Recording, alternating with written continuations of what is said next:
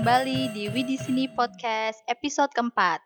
Jadi, bagi yang belum tahu, apa sih itu di Widi Sini Podcast? Jadi, Widi Sini Podcast itu uh, sebuah podcast untuk tempat berbagi cerita dan pengalaman seputar seni dan budaya Jawa. Jadi itu tidak hanya untuk orang Jawa saja yang mendengarkan ini, tapi untuk um, seluruh masyarakat Indonesia yang mengerti bahasa Indonesia.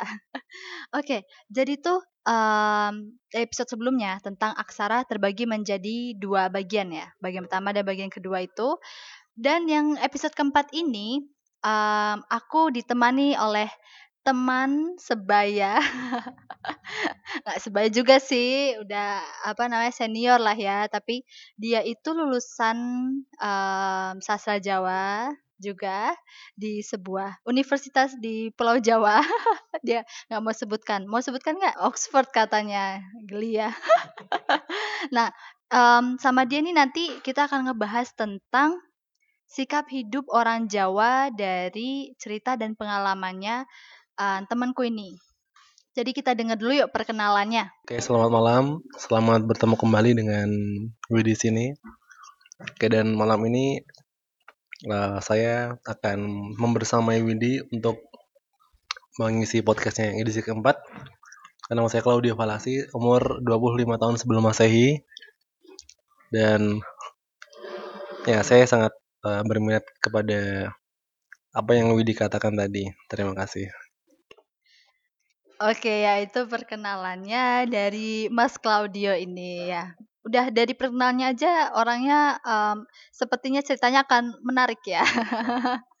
Oke, jadi tuh untuk um, episode ini aku akan tanya nih ke Mas Claudio karena Mas Claudio itu kan lahir dan besar di daerah dan lingkungan Jawa kan di Jogja ya Mas ya lahirnya.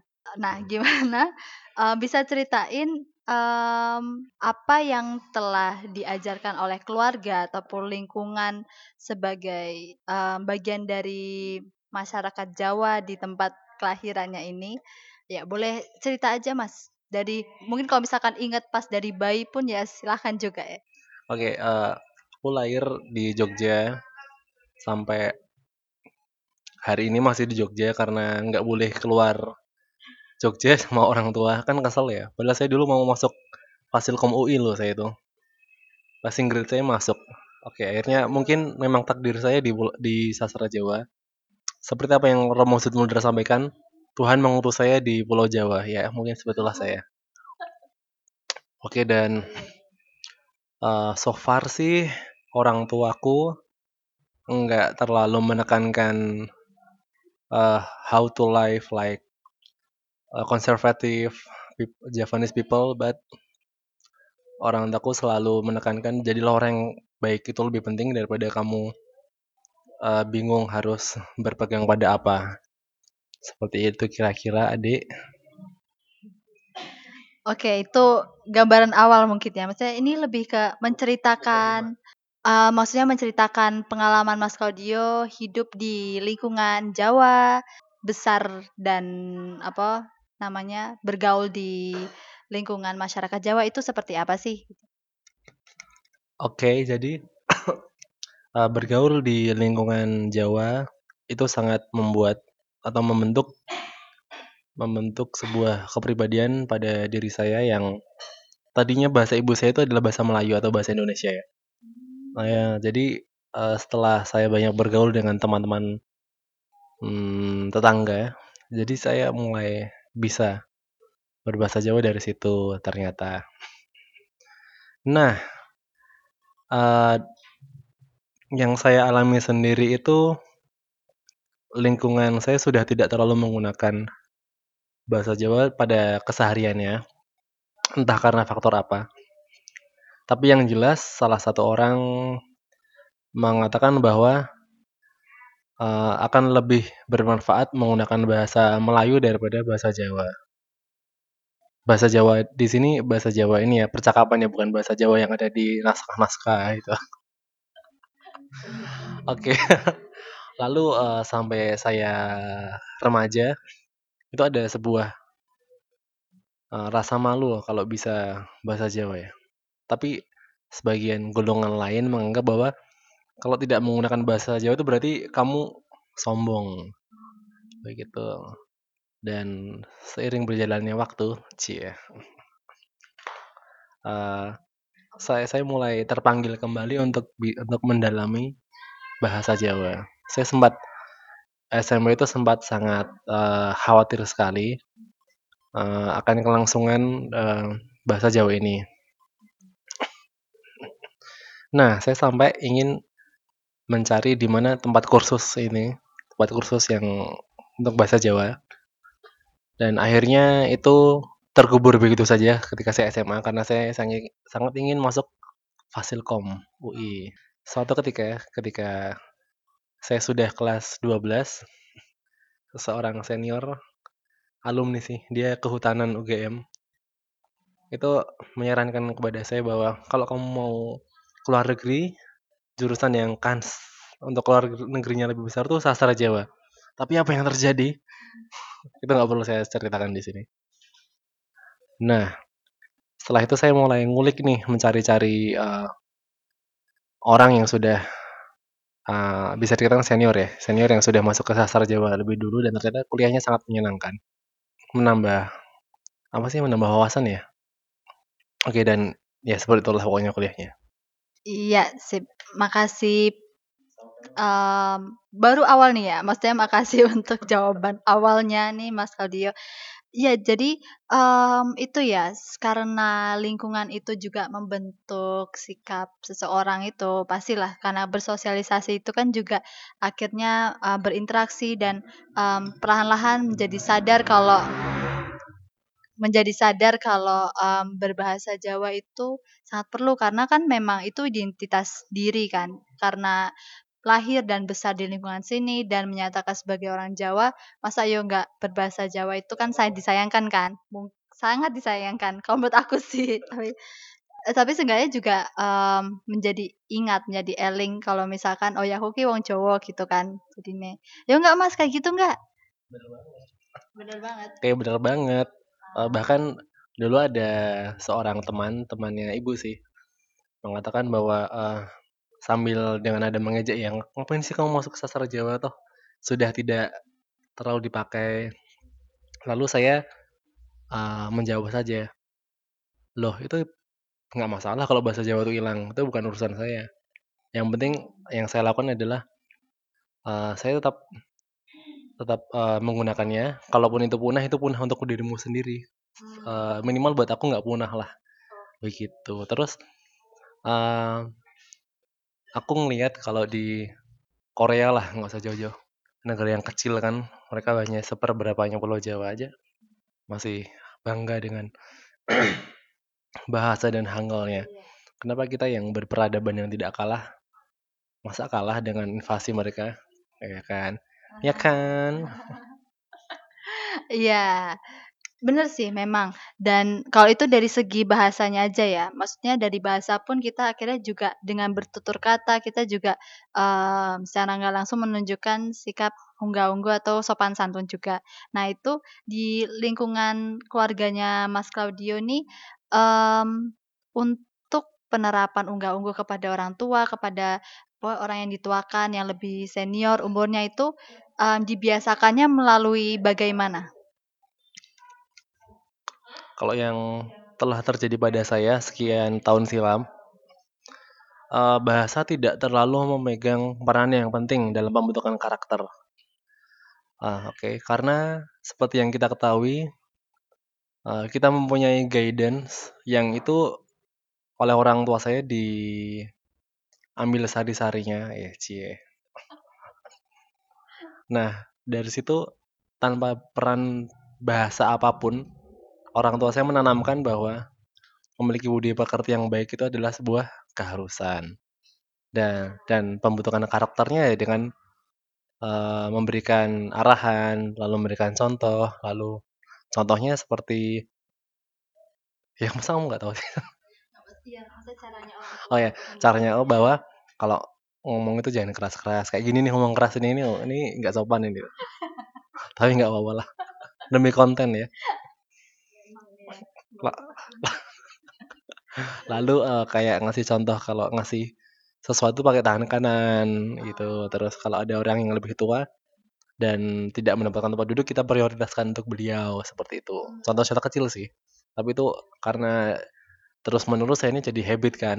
Nah dari situ juga meningkat ke yang lebih uh, besar tarafnya kayak uh, ngomong itu dijaga jangan asal asbun ya namanya. Jangan asal bunyi dipikir dulu kalau ngomong itu kan juga salah satu bentuk uh, unggah-ungguh hmm.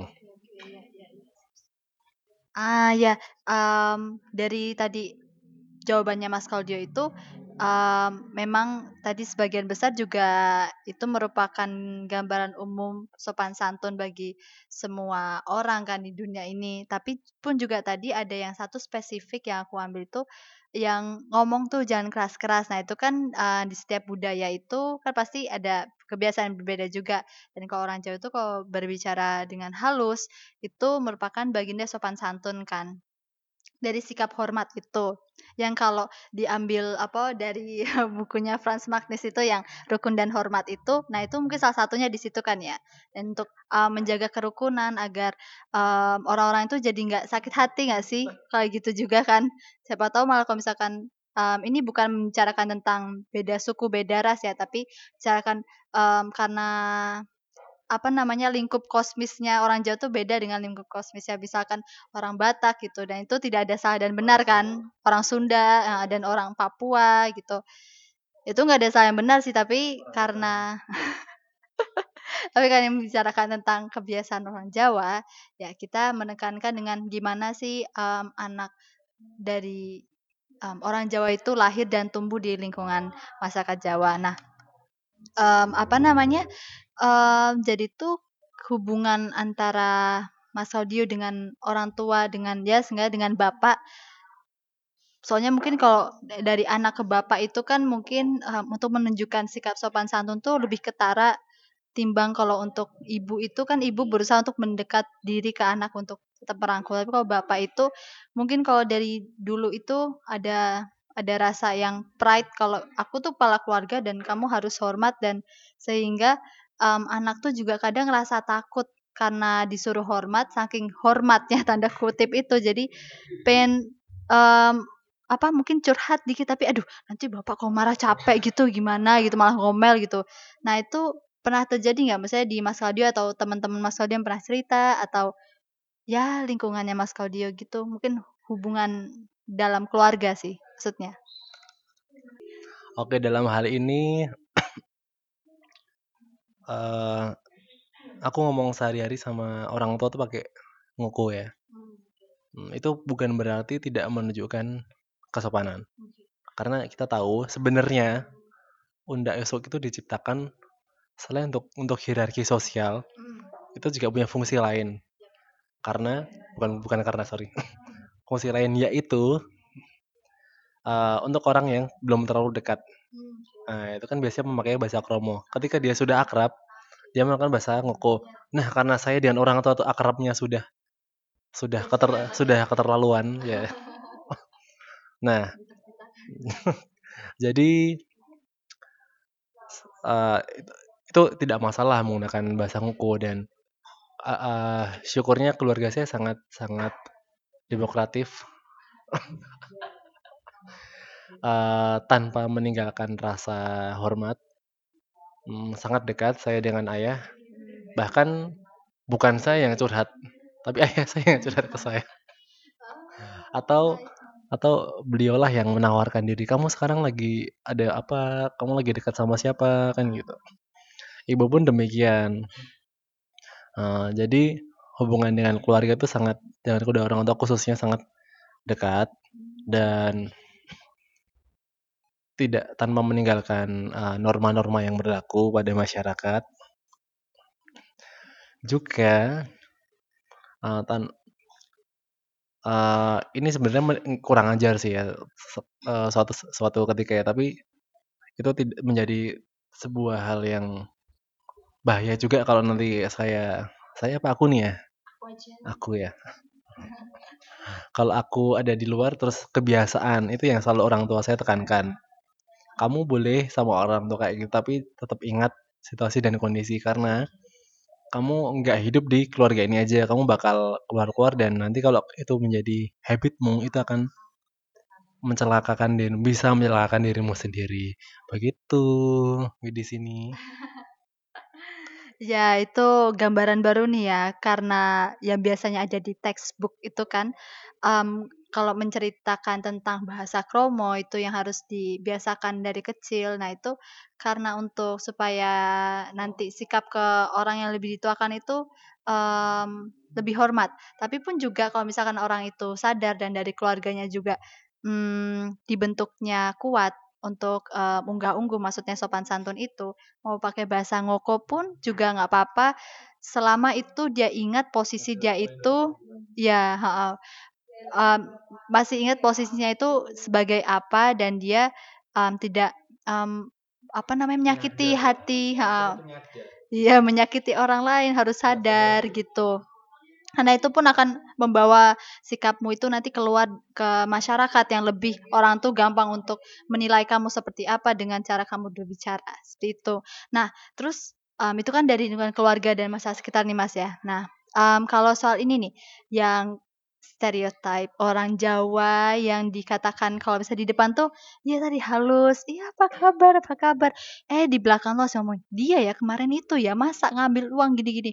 Nah, Mmm, mungkin kayak gitu tuh malah ditunjukkan itu itu ke orang Jawa tuh seperti itu. Tapi pun juga, mmm, itu dapat dikatakan seperti itu karena pas zaman kerajaan itu pun juga ada kisah yang mengatakan kalau, mmm, orang Jawa di depan itu, mmm, dia baik, kemudian di belakang itu ternyata menusuk, membunuh, dan ditunjukkan dengan juga, mmm, apa, posisi keris orang Jawa kan di belakang tuh. Lebihnya untuk yang pangeran-pangeran. Nah, itu kan juga ada yang mengatakan kalau, mmm, di depan tuh harus tetap, mmm, behave, harus tetap, mmm, apa namanya, menjaga, mmm, karakter sopan santun, tapi di belakang tuh dia siap untuk gitulah. Nah, itu gimana, Mas?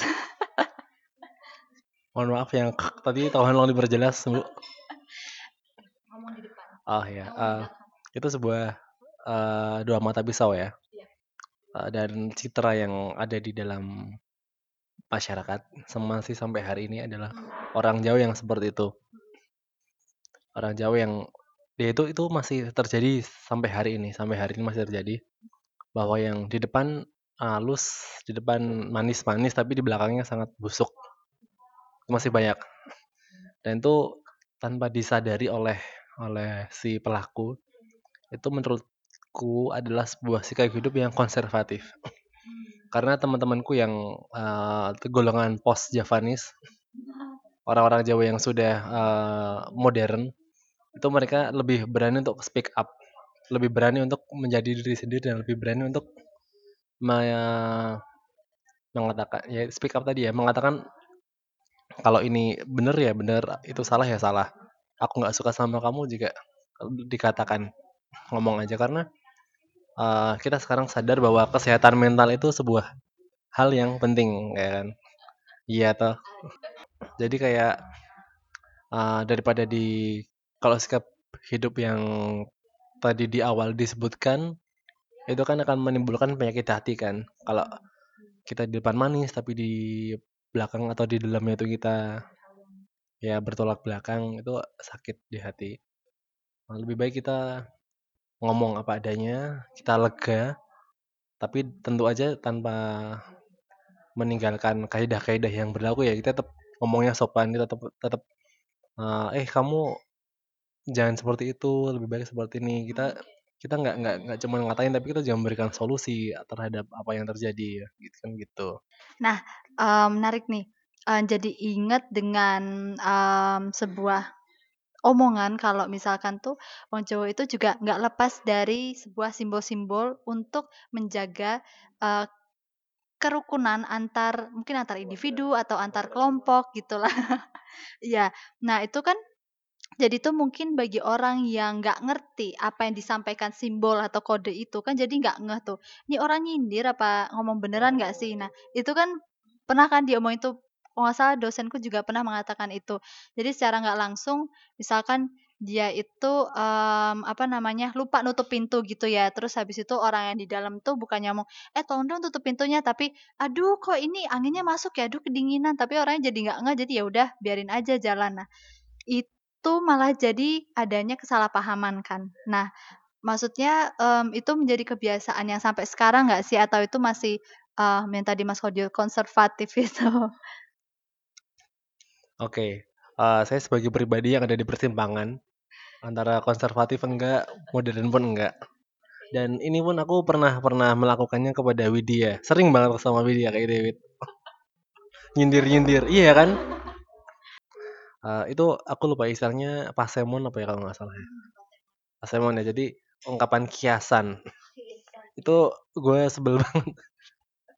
sebel banget sebenarnya, tapi itu salah karena apa ya? Karena mungkin sikap hidup orang Jawa yang uh, rikuh untuk menunjukkan perasaan. Nah, itu dia. Jadi saya tidak ingin menyakiti Widi, tapi kalau nggak diungkapin akunya yang sakit.